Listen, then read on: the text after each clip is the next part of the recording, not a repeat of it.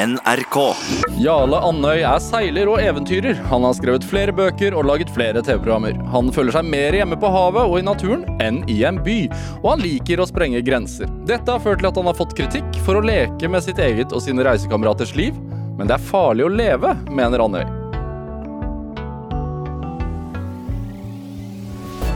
Dette er Drivkraft med Vegard Larsen i NRK P2. Jarle Andøy, hjertelig velkommen til Drivkraft. Tjallabais, Vegard. Takk for det. Det er veldig hyggelig å ha deg her. Eh, hvordan har du det? Jeg har det bra. Jeg har travle dager om dagen. Reiser til eh, ja, alle våre allierte og fiender under andre verdenskrig. Så jeg fanger nå egentlig en del av eh, historien da, som var for 75 år siden. Er det, du, du, du sier at du fanger historien for 75 år siden, altså filmer?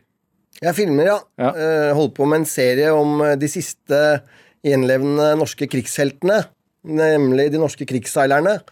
Og for å fortelle dems historie, så må man reise rundt til eh, alle de avgjørende stedene hvor slagene var mot nazistene. Og, og det er veldig fascinerende å jobbe med en tematikk som var for 75 år siden, men likevel bringe frem nye aspekter av den store krig. Og konsekvensen av eh, de alliertes seier som sikret vår frihet for 75 år siden. Eh, vil gjerne prate med, med, mer med deg om det, men altså Jeg tenker sånn Jarl Andøy, eventyrer, uh, seiler. Har du noe fast bopel? Bor du, hvor bor du for tiden? Jeg bor i Cape Town, det er der jeg har base. Men uh, siste halvåret så har jeg egentlig vært overalt. Eh, besøkt moderen mye og vært mye på Bislett og i båt. Ja. Har, hvor, hvor ligger båten? Den ene er i Cape Town, den andre er i Stavern. Ok. Trives best der. Du, eh, eh, jeg, må, jeg må spørre deg, siden vi, vi har en eventyrer på, på besøk. Eh, for det har jo vært sånn ekstremt interesse for eh, Børge Ausland og, Mike Horns polekspedisjon eh, her hjemme for tiden. Eh, I mange måneder har den interessen pågått. Hva, hva, hva tenker du om hele den saken der? Jeg tenker at det er veldig imponerende. Jeg vil gratulere både Børge Ausland og Mike Horn for å ha gjennomført en veldig tøff seilas eh, og eh, ekstrem eh, ekspedisjon over Nordpolisen. Eh, Men når det er sagt, så vil jeg jo si det at eh, en del av de medspillerne som var de argeste kritikerne og det høyeste kaklekoret eh, i 2011, da mine skipskamerater forliste nedi Sørishavet med argumentasjon om miljøfokus. De har på en måte snudd ryggen helt etter vinden og står nå på motsatt side av det de argumenterte for i 2011. Angående den polekspedisjonen til Østlandet og Mike Horn, altså det, det har kommet en del kritikk rundt den også. Altså litt sånn eh, Bortskjemte menn som skal finne seg sjæl, er blitt sagt. Uh, hva, hva syns du om sånne utspill? da? Jeg syns det at eh, det er veldig lett for sofasittere å sitte hjemme og kritisere og mene noe om det andre gjør. Ja. Eh, og inngangen til Ausland og Horn, som er å, å vise konsekvensen av global oppvarming, den er eh, veldig viktig. Men den har fått veldig lite fokus. Den har fått mindre og mindre fokus fordi at det er tabloidpresset som blåser opp eh, interessen rundt dette her.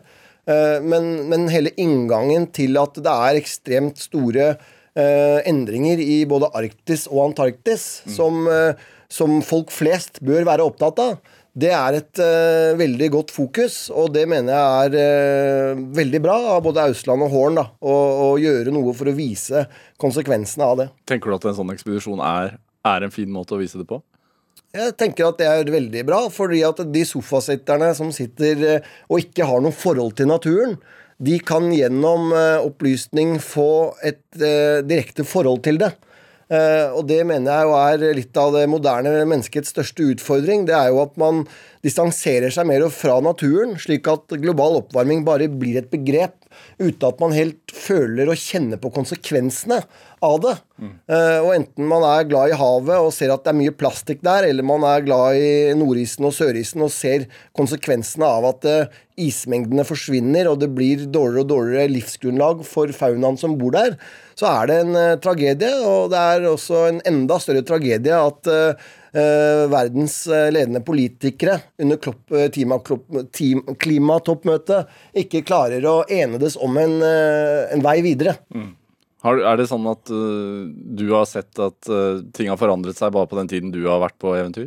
Ja, det har jeg absolutt. Det er jo Plastikk blir det bare mer og mer av, og forhold til seilas i isområdene, så blir jo det bare enklere og enklere. Ja.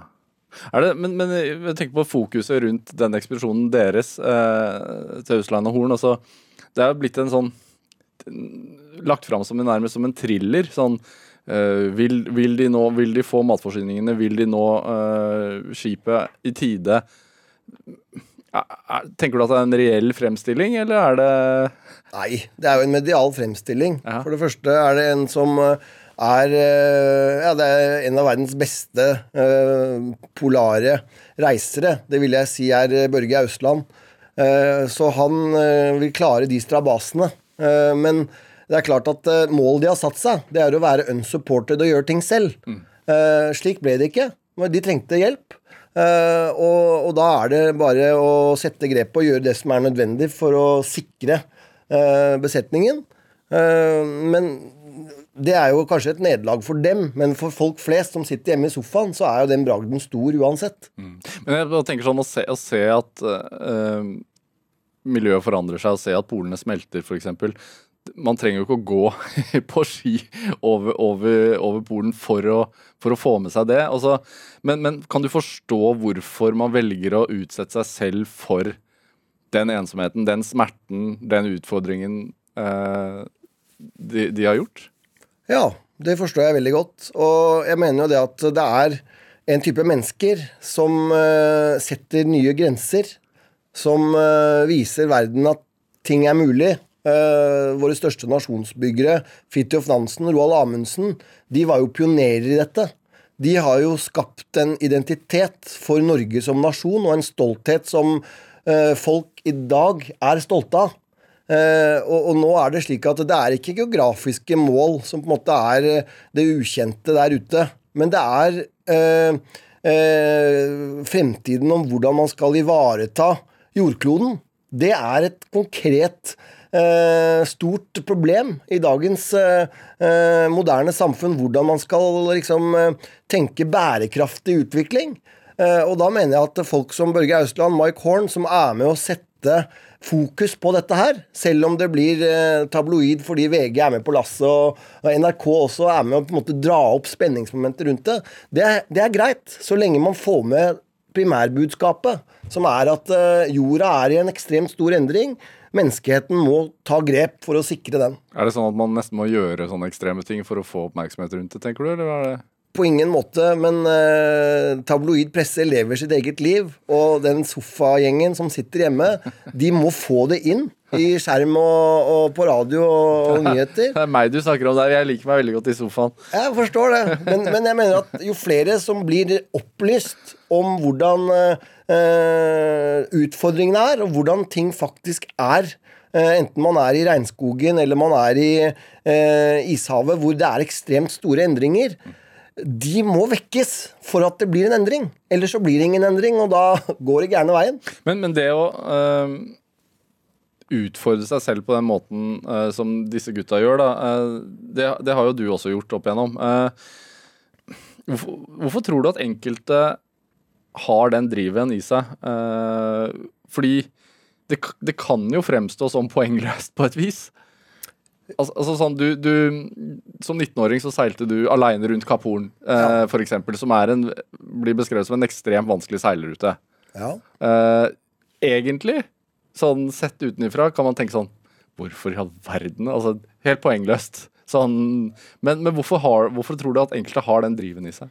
Jeg mener at eh, det ligger i den norske folkesjela. Eh, Natur, sjø, eh, utferdstrang. Det ligger i genene siden vikingtid. Og hvert menneske velger jo hvordan de vil leve, og for min del så er på en måte Jeg føler meg mer hjemme uh, i rom sjø, uh, i ishavet eller i uh, regnskogen enn jeg gjør hjemme foran TV-en. og der er det litt sånn Eller hjemme i en by. Mm.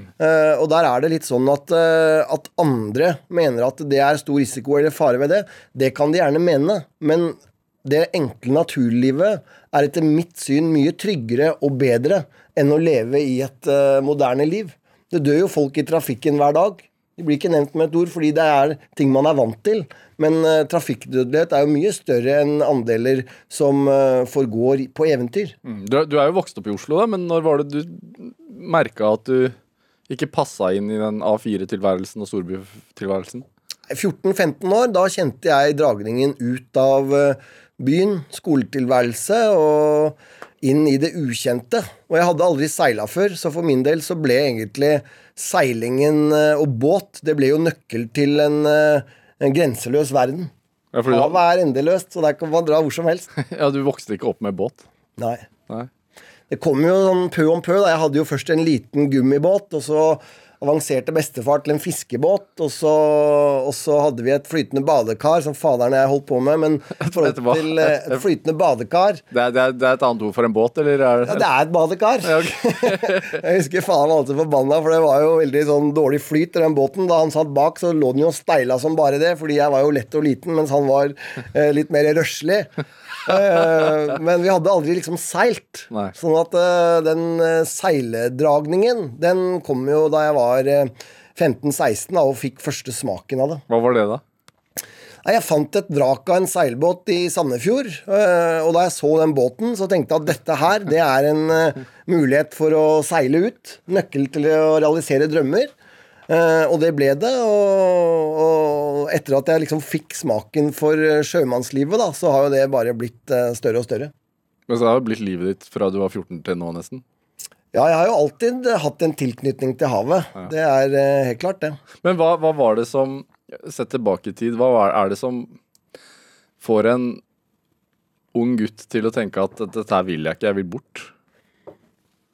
Ehm, det er vel egentlig følelsen av eh, meningsløshet, eh, og at eh, andre forteller deg hvordan du skal leve, hvordan du skal tenke for å bli til noe.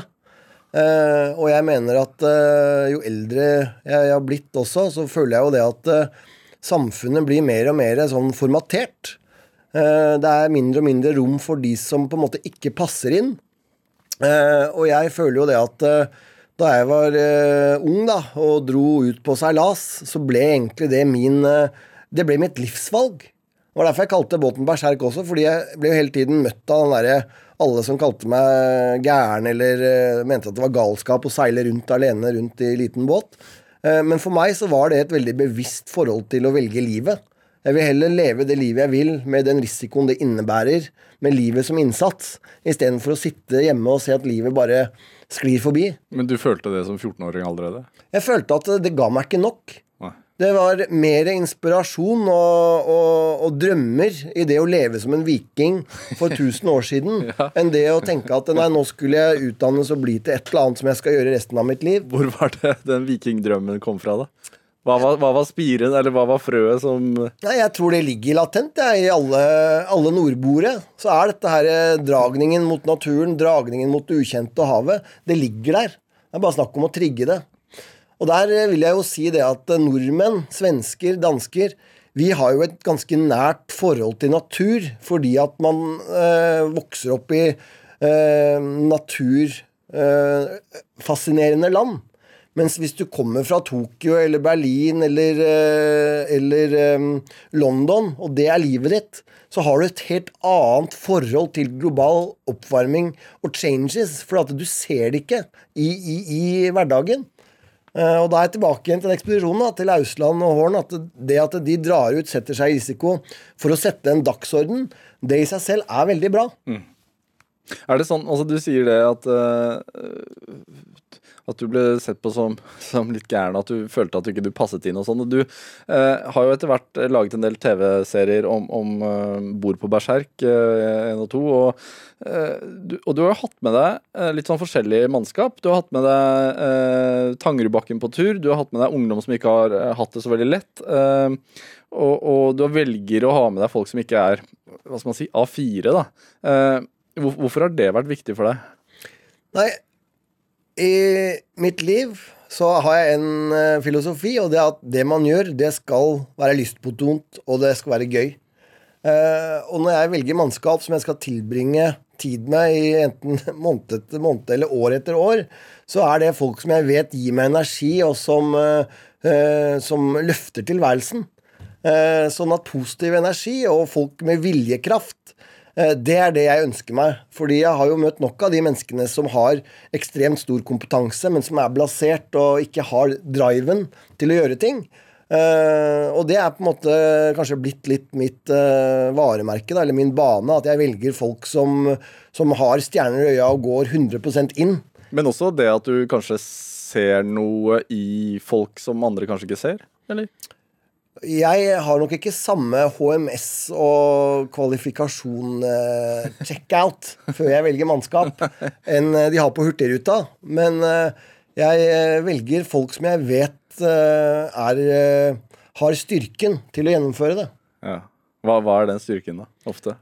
Det er, det er at man har 100% drivkraft i det man vil. Eh, og for meg så tar det to og et halvt minutt å snakke med noen og forstå om dette her er en genuin doer, eller om det er en talker. Og jeg velger duret. Ja, ja. Er det noen øh, miljøer og folk du ikke klarer å kommunisere så bra med? Jeg vil jo si at øh, min største utfordring er å kommunisere med byråkrater som aldri har vært ute i felt og bare sitter på et kontor hele livet og skal synse og mene noe om det jeg gjør.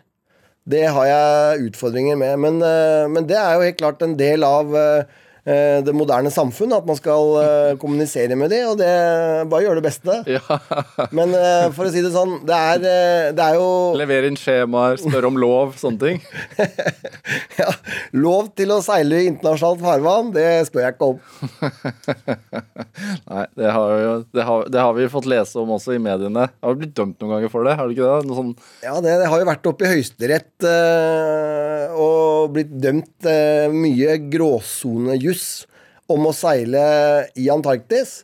Uh, og det er på en måte politikk, ikke juss. Men uh, for min del så bremser ikke det livet som jeg lever. Nei. Altså, vi snakker om uh, at du fikk en slags båtinteresse og ønske om å seile ut allerede som 14-åring, men du, du dro jo ikke med en gang. Nei. Når var det du la ut til sjøs, liksom sånn pakka, pakka bagen og tenkte nå, nå er det på tide? Det var i 2007? 2008? Nei, det er ti år feil. Det er ti år feil. 1997? 1998? 1998. Da kan du se, jeg lever Det går unna her. 97-98, ja. Hva var målet da? Da var målet å reise ut, rase fra seg, bli voksen og så gå inn i samfunnsløpet. Men eh, etter hvert som jeg fikk smaken på, på, det livet der, så var det på en måte Ja. Det har sugd meg inn eh, i eh, eventyrtilværelsen, og der kommer jeg til å bli. Mm.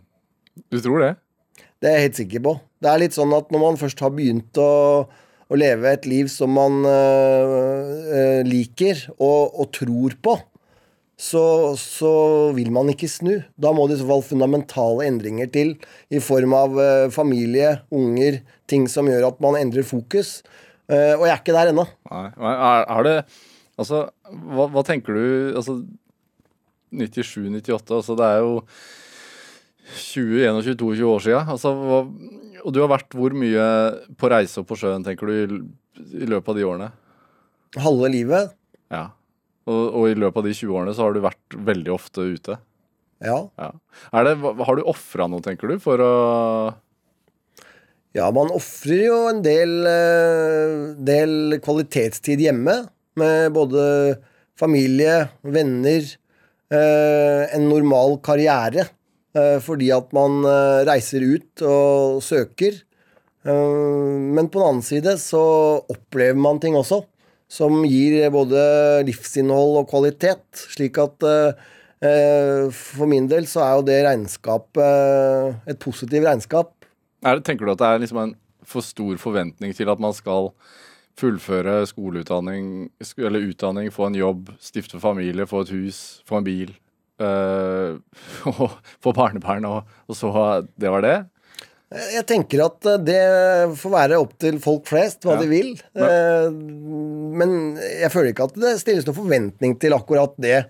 Men jeg føler at eh, samfunnet, det er jo i Norge i dag på en måte en sånn eh, norm, da. At man utdanner seg, får en jobb, pensjonerer seg, havner på gamlehjem, så i grava. Eh, Og livet er så mye mer enn det. Eh, slik at uh, jeg føler meg jo egentlig veldig privilegert, fordi at vi lever i en tid hvor man som ung kan velge. Vi er i verdens rikeste land, har valgfrihet til å reise ut og gjøre ting, i motsetning til folk som bor enten det er i Somalia eller uh, Libya. Og, og der er det litt sånn at vi kan velge det beste fra to verdener.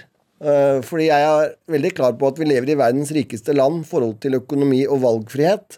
Men i forhold til sosiale relasjoner og livskvalitet, så er kanskje i-verden den fattigste verden. Fordi at eh, folk dør alene i ensomhet. Enten på gamlehjem eller hjemme i stor rikdom, men, men, men er alene. Slik at eh, jeg er veldig klar på det at man må prøve å lære det beste av to verdener. Men du er jo aleine på sjøen også. Både aleine og med folk. Det er helt forskjellig, det. Noen ganger så liker jeg å seile og være aleine, mens andre ganger så liker jeg å være med folk. Det er på en måte ikke en eh, fast mal på det. Nei. Hvorfor har du hatt altså eh, Fordi det å reise ut, eh, oppleve, oppdage, eh, bli kjent med seg selv på en, på en annen måte, det er jo én side av det. Men du har også hatt et eh, slags drivkraft i å dokumentere det, eh, og skrive om det, og filme det og sende det på TV. Hvorfor har du ønsket å kombinere de tingene? Det har jo blitt litt til mens man går. Eh, og det er jo litt sånn at eh, enten man reiser til eh, verdens mest spektakulære farvann i Antarktis, eller man er i, i Afrika, så ser man jo ekstremt store kontraster til livet hjemme. Og jeg har vel ganske tidlig ment at uh, Ola Dunk, nordmenn, har mye å lære. De har mye å se som er utenfor den vanlige A4-tilværelsen. Som for eksempel? Nei, som for eksempel det at livet er mer enn uh, jobb og karriere. Eller uh, riktig, riktig utdanning. Og der mener jeg det at det å tilføre innhold til særlig yngre mennesker, det er eh, folkeopplysende og bra. Ja. Når du har hatt med deg eh, f.eks. ungdom som ikke har hatt det så lett eh, på, på tur, da, hva er det du ønsker å formidle til dem? da? Jeg mener jo det at eh, alle mennesker har jo kvaliteter. Enten du er A-menneske eller B-menneske, så har du en kvalitet. F.eks. i båt. Hvis du seiler om natta, så er B-mennesker det beste som er. For de er oppe, og de er sharp hele natta. Men skal du ha et eller annet i gang tidlig på, så er A-mennesket helt super, for de er tidlig på'n. Eh, og- det er jo litt sånn at eh, mange av de kvalitetene da, som det moderne samfunn dyrker, det er egentlig ganske myke, feminine kvaliteter.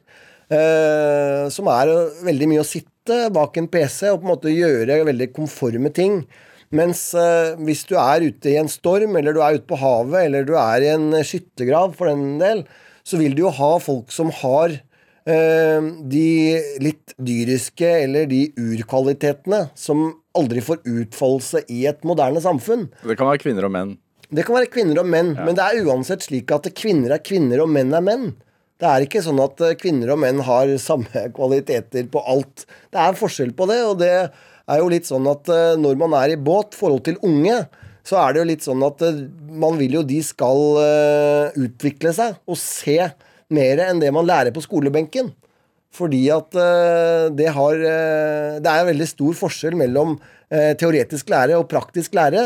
Og den beste læra du får på havet, det er å få sjøsprøyten i fjes og hands on for å holde skuta flytende, og uh, framover. Jeg tenker sånn, eh, Å seile i, i en relativt liten eh, skute eh, i sterk sjø altså Det er en sånn det er, liksom det er en, begrenset, be, en begrenset ting man skal mestre, men man, man er nødt til å mestre den eh, perfekt, ellers kan det gå gærent.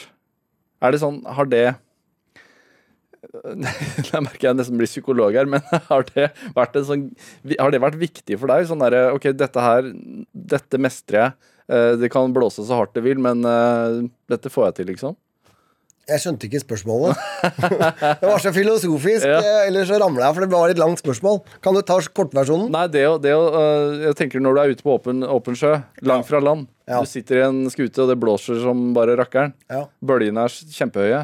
Eh, så er, altså, Du må jo mestre den båten. Og jeg tenker sånn, Er det, er det, er det en sånn viktig ting for deg å, å vite at du kan? Altså sånn, dette, Denne båten mestrer jeg, det, og det, at det gir en trygghet? Når man er på ekspedisjon, eventyr, seilas, Ja. så er du ett med ekspedisjonen.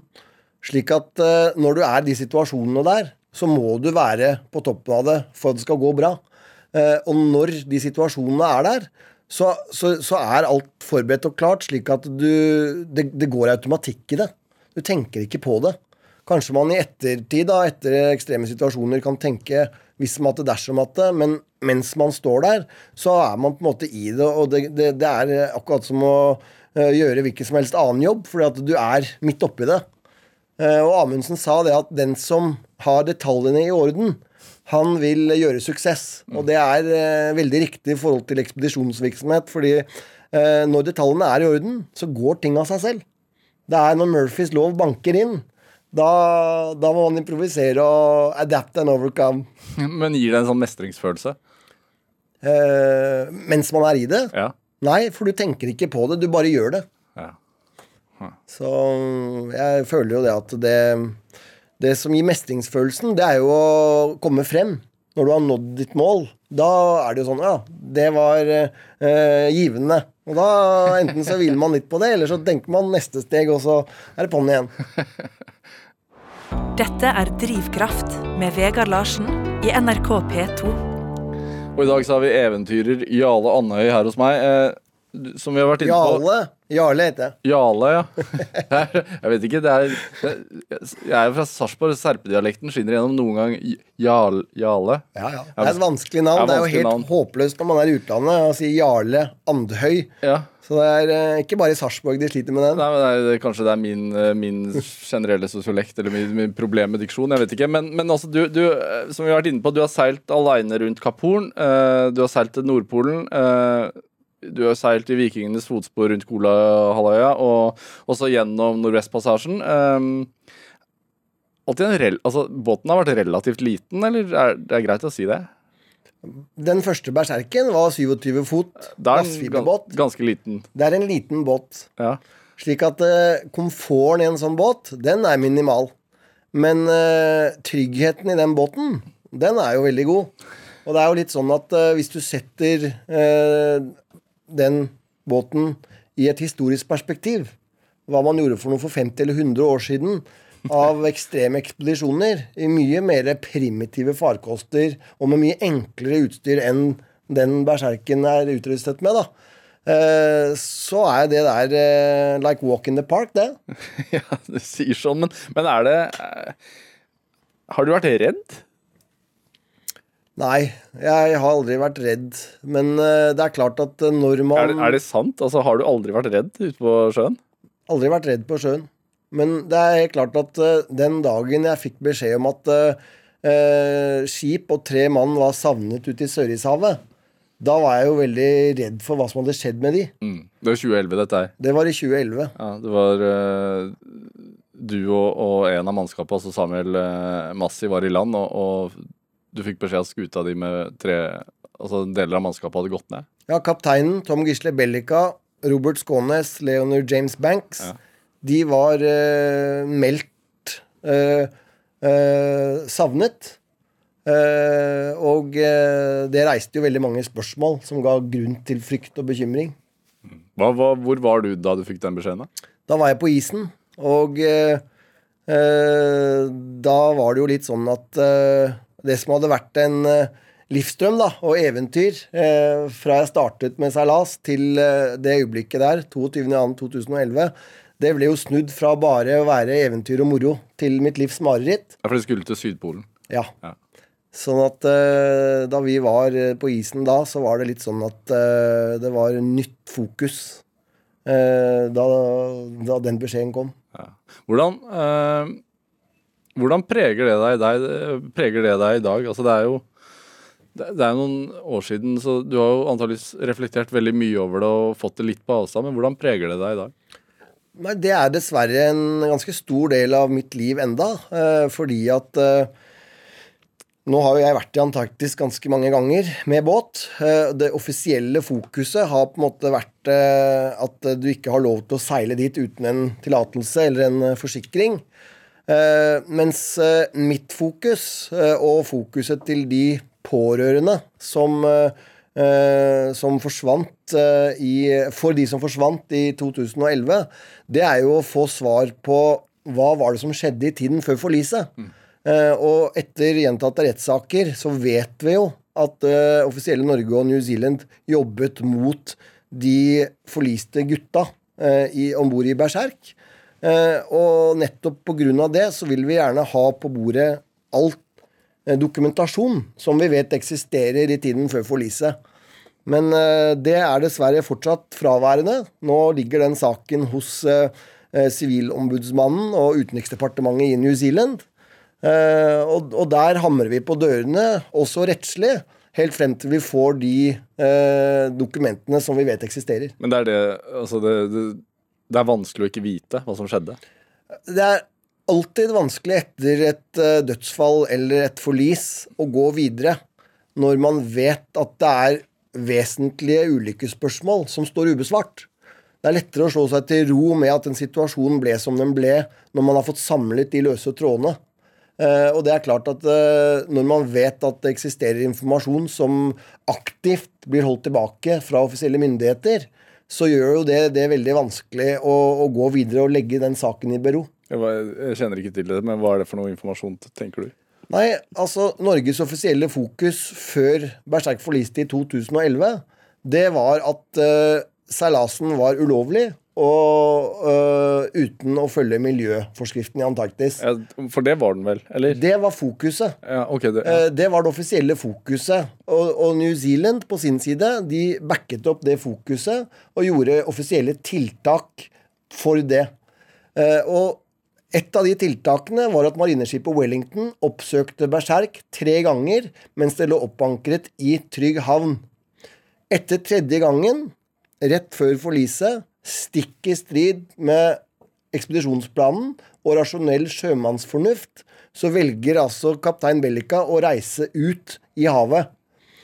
Og det er en avgjørelse som vi vet var fatal. Eh, men før man kan dømme en slik situasjon, så må man vite hvorfor tok de det valget. Og de som sitter på first hand information om hva som ble kommunisert til eh, mannskapet om bord i Berserk, da de etter sigende var ulovlig oppankret, det er marineskipet Wellington og Utenriksdepartementet i New Zealand. Hvorfor er det så viktig for deg å finne det ut? Fordi at eh, det er jo slik at eh, det valget, det ble et fatalt valg for eh, eh, tre skipskamerater. Eh, og det har vært mange som har ment og synset mye om det. Og før man kan eh, uttale seg om det, så må man samle den informasjonen som er tilgjengelig, og som er ikke ressurskrevende å finne frem. Altså, Det hadde vært noe helt annet dersom man måtte liksom sette i gang eh, ressurser uh, for å finne ut av uh, ting. Disse gutta de valgte selv å reise inn i et farlig område med livet som innsats. Uh, og, og den har alle slått seg til ro med. Men, men det å da uh, vite at uh, ekspedisjonen ble motarbeidet, og at det ligger offisiell dokumentasjon om, uh, om det offisielle fokuset mot de døde gutta, det er helt klart at det er et bilde som nå er svart, ubesvart. Annet enn at vi vet at det var et ulovlighetsfokus mot dem. Men akkurat det som ble sagt, når et marineskip da oppsøker en seilbåt tre ganger i, i tiden eh, døgnet før forliset, det må på bordet. Er det en verkebyll hos deg? Våkner du og tenker på det? Nei, men det er jo sånn at uh, det er umulig å, å gå videre og legge den saken i bero uten å ha gjort det man må gjøre for uh, gode venner. Ja. Uh, og det er jo En ting er jo mitt bilde, som er på en måte en, eh, en eh, personlig tragedie. Men, men det er jo også tre pårørende her eh, som har mistet sønnen sin. Eh, og de eh, sitter jo på veldig mange spørsmål, og for at de skal kunne legge eh, berserkforliset bak seg, så vil de jo vite hva som har blitt kommunisert til dem før de døde. Ja. Gir du deg før du får noe svar, eventuelt? Nei. Nei. Det er eh, Altså, vi har jo reist tilbake for å hente ut de siste sporene eh, fra ekspedisjonen. Og da vi reiste 5000 km for å hente de svarene, så fant vi ut at eh, det utstyret var jo stjålet. Det var jo tatt av New Zealand med godkjenning fra Norge. Eh, og da er det jo sånn at eh, for vår egen del så var jo det en eh, game changer, fordi da visste vi jo at eh, ok, offisielle myndigheter de har en rolle i dette her. Og på grunn av det så vil man da eh, hamre på den døra helt til alt faktum som er dokumentert, ligger på bordet. Når man er med på noe sånn, og er da i land, da, så, det, så, så, det, så man overlever jo, er det Føler man liksom noe anger eller noe skyld, eller hva? Hvilke tanker går gjennom hodet sitt når man, når man er så heldig å faktisk være i land? Nei, jeg er jo helt klar på at uh, hadde jeg hatt den samme båten, samme gutta, så hadde jeg gjort akkurat det samme. Ja. Uh, og det handler jo litt om at uh, jeg står i og går i det jeg tror på. Uh, og det ville vært en hån mot de tre tapte gutta å si at nei, det var egentlig ikke det jeg mente. Tvert om. Jeg står for det jeg har gjort. Og nettopp fordi at et, en ulykke, et havarispørsmål, det reiser mange relevante spørsmål. Da må man ta de, besvare de og gå videre. Er det eh, sånn i ettertid, har du vært eh, vurdert det å ta med deg et nytt mannskap ut i verdens farligste eh, farvann på en annen måte? Eh, hva mener du nå? Nei, har du vært redd for å ta med deg et nytt mannskap ut i, ut i havet igjen? Har du tenkt, liksom grunnet på det på en annen måte i ettertid? Nei. Jeg vil jo si det at eh, den gjengen som seilte om bord i Berserk 2011, de var jo de som var selektert og valgt ut som de beste. Uh, mens jeg har jo seilt tilbake til Antarktis uh, etter det med et uh, mer ramsalt komediemannskap eh, som har vært i en helt annen liga. Eh, men det tilpasses jo den ekspedisjonen man skal, og de målene man eh, setter seg. Sånn at Det er ikke noe sånn at det har endret noe på, på mitt valg av eh, folk jeg vil seile med. Når du er ute på havet, hva er det så, altså når er de fineste stundene? Det er jo når man er eh, i eh, moder natur med 20 hvaler rundt seg og en gitar som eh, drar opp takten mens de blåser rundt båten. Nei, det er jo du spi, måte spiller med hvalene? Ja, ja. Det er på en måte så nærme du kommer. Og det er jo sånn at Nei, men er det så, altså, mer om det. Er det du, man, de, altså, de Tror du at man kommuniserer med gitar og hval? kommunikasjon eller nysgjerrighet Det er uansett sånn at uh, hvis en sitter og spiller gitar, eller ACDC for den saks skyld, og hvalene kommer rundt, så er det jo fordi at de er genuint nysgjerrige og interessert i å høre på hva som foregår. Er det for støy? Om det er støy eller ikke, det vet jeg ikke. Men uh, de sier jo at kuene melker bedre til klassisk musikk. Men eh, hvalene de holder seg rundt båten når vi spiller musikk. Sånn at uh, de oppsøker oss, og det gjør jo det at man føler seg veldig nær med naturen, da. For det er jo sånn at når havets kjemper kommer mot deg, og du er i nærkontakt med de, enten om det er i noen timer eller noen dager, at de holder seg rundt båten, så er jo det store opplevelser som er verdt å både fryse og, og ha litt ramsalt tilværelse for å, for å komme til. Ja. Er det, trives du best når det er blikkstille, eller når det er eh, Når det blåser litt der ute? Nei, Det er jo variasjon. Jeg tør si at Det er jo det største ved å seile. Det er jo at uh, man opplever jo hele spekteret. Uh, og det å også sitte i sånn tropeseilas eller arktisseilas hele tiden, det blir kjedsomhet. Mens når du har variasjonen, så opplever du alle aspektene, og det er eh, givende for en eh, moderne viking. Dette er Drivkraft med Vegard Larsen i NRK P2. Og I dag så har vi eventyrer Jale Andøy her hos meg. Altså, jeg vet at du lager en TV-serie om uh, krigsseilerne i, i, forbindelse med frigjøringsjubileet uh, 2020. Uh, hvor Ja? Ja, jeg har jo egentlig holdt på med å jobbe med krigsseilere nå siden 2005. Ja, sant. Det, det, det, var det, det var det som var mitt neste spørsmål, for jeg vet at du har holdt på med dette i mange, mange år. Det er riktig. Hva, hvor oppsto engasjementet i utgangspunktet?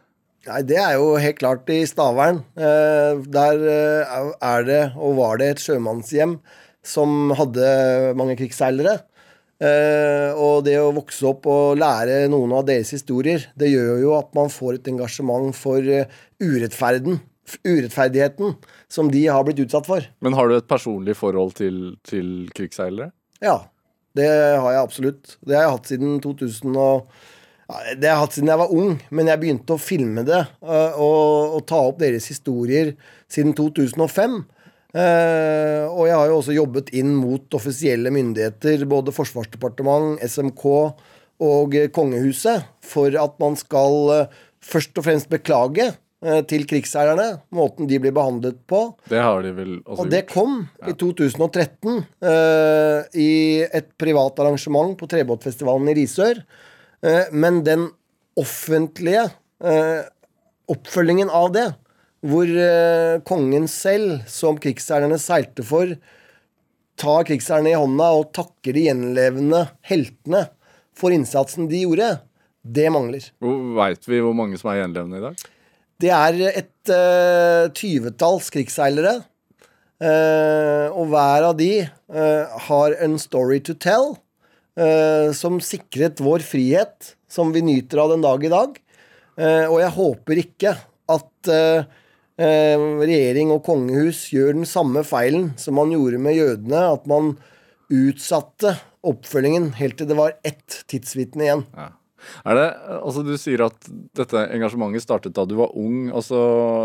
Jeg er jo ung. Jeg er ung ennå, ja. men da var jeg yngre. ja. men, men, er det eh, Har du hatt noen krigsseiler i familien, eller har det vært noe, har du, når hørte du om de for første gang? Min bestemor eh, var eh, forlovet med en krigsseiler som ble torpedert eh, eh, utenfor Irland og aldri kom tilbake. Så hun hadde jo et nært forhold til det, som hun fortalte meg om. Hva fortalte hun da? Nei, Hun fortalte jo det at hun gikk jo ned på kaia på rederkontoret og søkte navnet på den båten som, eh, som eh, kjæresten hennes hadde seilt ut med. Eh, og den ble jo meldt torpedert. Han kom aldri tilbake. Ja. Men usikkerheten og dagene omkring det, det var jo ting hun hadde brent i seg. Og den det å vokse opp i Stavern, det, det, var jo et privilegium å treffe mange av disse gamle eh, krigsseilerne som var på puben og, og fortalte stories. Eh, og det er jo sånn som ung, når man hører de historiene, så er jo de så virkelighetsfjerne og ekstremt fascinerende. Hva slags historier var det, da? Nei, Det er jo alt fra at de eh, ble torpedert og lå og fløyt på en planke midt ute i Labradorhavet i eh, et døgn eller to, til at de deltok eh, under invasjonen av Normandie, hvor de losset eh, ammunisjon og våpen for at de allierte soldatene kunne kjempe innover mot Berlin. Med de ekstreme opplevelsene det var. Og det får jo på en måte det å seile rundt i ishavet eller gå rundt over Nordpolen til å se ut som en lek mm. i forhold. Det er jo, altså Krigsseilerne var helt ordinære sjømenn. De var drømmere, akkurat som du og jeg. Forskjellen på dem var at uh, for uh, eh, 75 år siden så var det jo uh, et fattig Norge. Så de reiste ut som lykkesøkere og reiste for et land som var offisielt nøytralt. Slik at man gjorde business med både aksemaktene og de allierte. Og da, da Tyskland invaderte Norge 9.4.1940, da tok Norge et valg. Men frem til det så red man to hester. Eh, og de som ble stående i konsekvensen av krigen først, Det var jo de som kjempet her hjemme og valgte alliert side, men også de som sto på havet og valgte å seile for de allierte. Og da var det eh, stor overgang fra å være eventyrer og jobb eh, og arbeider som tjente penger, til å plutselig bli en target for tysk krigsmaskineri. Hvor stor del av Altså at, at eh, de allierte gikk seirende ut av dette, her, kan man takke krigsseilerne, tror du? Det som er helt sikkert, det er at eh, krigsseilernes innsats for andre verdenskrig, den var uvurderlig for de allierte seier. Og det var Norges viktigste eh, allierte bidrag til verdensfreden. Det var eh, den norske handelsflåtens eh, Nortraship, verdens største rederi den gangen, med, med tankskipflåten, som var den største og mest moderne eh, den gangen. Eh, og det som gjorde at eh, Norge, etter at de hadde flyktet landet, altså regjering og konge, de flyktet. Eh, og det som gjorde dems motstandskamp mulig å holde gående mot den tyske okkupasjonsmakten, det var jo pengene som handelsflåten dro inn. For det er ikke så lett å drive motstand uten cash. Og Derfor så, så er den eh, innsatsen eh, til handelsflåten veldig viktig for Norge som nasjon, men også for de alliertes seier. Altså jeg tenker, Du, du har begynt å filme dette her midten av 2000-tallet. Og har filmet opp igjennom. Hva, er det intervjuer du gjør da, eller hva, hva er det du Ja, det er eh, face to face. Ja, for du- Sitte ned, høre historier. Og så er det jo klart at eh, det er veldig, veldig mange historier fra annen verdenskrig. Eh, men det jeg gjør, er jo at jeg på en måte filmer de største opplevelsene de har fra den tiden de hadde dem, og setter det opp mot de store begivenhetene under krigen. Så Dunkerque, D-Day, slaget i Stalingrad, Leningrad, de store game changerne som, eh, som eh, fulgte utviklingen, de, de settes krigs, krigsherrenes innsats i sammenheng med, da. Når du holdt på med det i 14 år, så tenker jeg sånn Hvorfor er det så viktig for deg? Nei, altså, jeg har jo i løpet av de åra gjort mer enn å bare intervjue krigsseilere. Ja. Jeg har jo hatt et liv hvor jeg har eh, seilt egen kjøl og gjort mine ting. Eh, og da denne beklagelsen kom fra offisielt hold i 2013, så var det litt sånn at eh, jeg håpet jo at eh, kongehus og regjering skulle da følge opp det med å samle de siste krigsseilerne og, komme med en personlig takksigelse til dem. Helst på kongens slott. Hvorfor er det viktig Men, men istedenfor så har det uteblitt. Eh, og, og, og i perioden fra 2013 til i dag så har flere og flere krigsseilere falt fra. At de er gamle, og de dør én etter én. Og der er det litt sånn at eh, det er ikke dagens kongehus eller regjering sitt ansvar, det som skjedde etter krigen, og måten krigsherrene ble behandlet på. Men det å også løfte dems innsats, som de gjorde for verdensfreden, og ta tidsvitnet i hånden og takke personlig. Det er helt uforståelig og utrolig for meg at ikke man har gjort det før. Hvorfor skal man sitte her 75 år etter frigjøringen og ha det uforløst? Men hvorfor er det så viktig for deg? Det er kjempeviktig, fordi at jeg eh, har jo et eh, nært forhold til eh, disse krigsseilerne. Kjenner historien og frustrasjonen som de har båret på siden, siden etter krigen. Og jeg må jo si at jeg er jo en som har kommet sent inn i bildet her, fordi både Erik Bye og Jon Michelet de har jo jobbet med denne tematikken lenge. Og vært veldig flinke til å løfte saken. Men det er likevel slik at den endelige avslutningen for en generasjon som er nesten dødd ut, så er det ikke mer tid å miste. Nå må man på en måte ta et oppgjør med historien, kjøre pomp og prakt og takke for eh, det som var eh, Norges viktigste krigsinnsats til vår frihet. Hvilken historie som er blitt fortalt deg, har gjort mest inntrykk? da? Det vil jeg vel si er eh, den usikkerheten. Altså Det er jo mange ekstreme opplevelser hvor folk har ligget i eh, ishavet og amputert bein eh, og liksom eh, 80% av mannskapet de kom aldri tilbake, mens resten de overlevde og, og, og hadde store konsekvenser. Da, hvor de hadde frostskader og måtte sage av bein og lem for å, for å overleve. Eh, men, men det som gjør sterkest inntrykk, det er egentlig at eh, i motsetning til å reise på ekspedisjon, da, hvor du setter en sånn tid at nå skal jeg ut i tre måneder eller et år, og så skal jeg gjøre dette her, så er det den derre konstante uvissheten. Altså, krigsherrene, de var jo vanlige lykkesøkere som plutselig sto i frontlinjen. Eh, og de ble jo stående, mange av disse, i seks år. Med uvissheten om de i det hele tatt kom hjem. Og på lur lå de tyske ulvene og, og ulmet og ventet på riktig øyeblikk for å senke dem. Og det å gå med sånn konstant dødsangst og usikkerhet, hvor du liksom ser eh, skipskamerater side om side blir torpedert og, og forlist i sjøen, det, det er helt uh, uforståelig. Tenker du altså hvis du hadde vært på sjøen i, i, i den tida, hadde du kunne du vært en av de, tenker du? Det tror jeg. Men uh, jeg vil jo si det at uh, disse krigsherrene, de var jo og ble helter nettopp fordi at uh, da Norge kapitulerte, så gjorde de et valg. De kunne seile inn til tyskvennlig havn, eller de kunne seile inn til alliert havn. Av hele den norske handelsflåten så var det ingen som seilte frivillig inn til tysk havn. Alle seilte inn i alliert havn. Og det var jo et uh, valg som ble vanskelig, fordi mange mente og trodde jo at uh, Norge var veldig nazistvennlig. Uh, noe som ga tyskerne Nei, noe som ga krigsseilerne en lite varm velkomst når de kom inn til alliert havn. Fordi bildene som preget verdenspressen, var jo at tysk, tyske soldater marsjerte nedover Karl Johan med norsk politi ved sin side og ledet dem frem. Jeg vet at dette her uh, blir en TV-serie som, som, kommer ut neste år.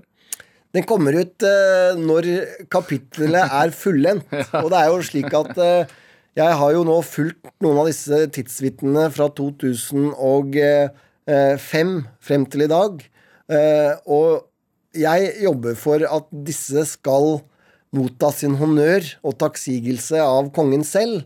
Eh, noe som jeg da håper blir en verdig avslutning på krigsseilernes historie. Dette er Drivkraft med Vegard Larsen i NRK P2. Og I dag så har vi eventyrer og seiler Jalle Andhøy her hos meg. Eh, vi snakket om krigsseilerne. Jeg bare lurer på, sånn, Du reiser jo stadig vekk ut på, på, eventyr, og du har brukt uh, 15 år av livet ditt på å dokumentere krigsseilernes eh, erfaringer og, og historier. Uh, hvordan får du jula til å gå rundt, egentlig? Har du noe dagjobb? Det er jo jobben min, da. Gjøre som jeg vil. Ja. Nei, altså Jeg er jo opptatt av det at uh, uansett hva man gjør i livet, så må man uh, tro på det. Uh, med kropp og sjel. og det er jo litt sånn at jeg jobber jo ikke for noen som sier 'gjør det og det'. Jeg jobber for det jeg tror på. Slik at livet mitt er en jobb. Uh, og det er jo egentlig bare å fortsette med det. Ja. Gjøre det. Hvordan kommer pengene inn, da? Nei, Det er jo enten gjennom uh, produksjoner, eller det er gjennom uh, altså TV-produksjoner, da. Eller boksalg, foredrag, ja. seilaser. Det, det, spørs helt hva, hva, som, hva, som, dukker opp, og hva man er engasjert i. Alt for å finansiere neste tur? Ikke nødvendigvis neste tur. Akkurat nå så er det Og de siste to åra så har fokuset vært på krigsseilerne. Ja. Så da har jeg jo vært eh, Da har jeg jo vært eh, mye på reis. Men, men jeg er jo ikke ute og reiser på en seilas og en tur. Jeg er jo enten i tidligere Stalingrad eller i Leningrad eller i, uh, i Normandie, hvor jeg på en måte retracer historiene da, til de store krigsheltene. Sånn alt i alt, altså hvordan vil du oppsummere din egen drivkraft? Hva er det som driver Jarle Andøy? Det som driver meg, er jo at man gjør det man uh, har lyst til, og det man tror på. Det er drivkraften. Og så er det jo selvfølgelig at man uh, arbeider med det man ønsker, fordi at da, da, da, da er man fri. Da tenker du ikke at nå jobber jeg så mange timer med det og så mange timer med det fordi at du gjør det for noen. Tvert om så er du engasjert i noe. Det er liksom det du gjør, og da blir det livet. Uh, tusen takk for at du kom hit til Drivkraft. Jeg heter Vegard Larsen, produsent i dag var Amund Grepperud. Ha det bra.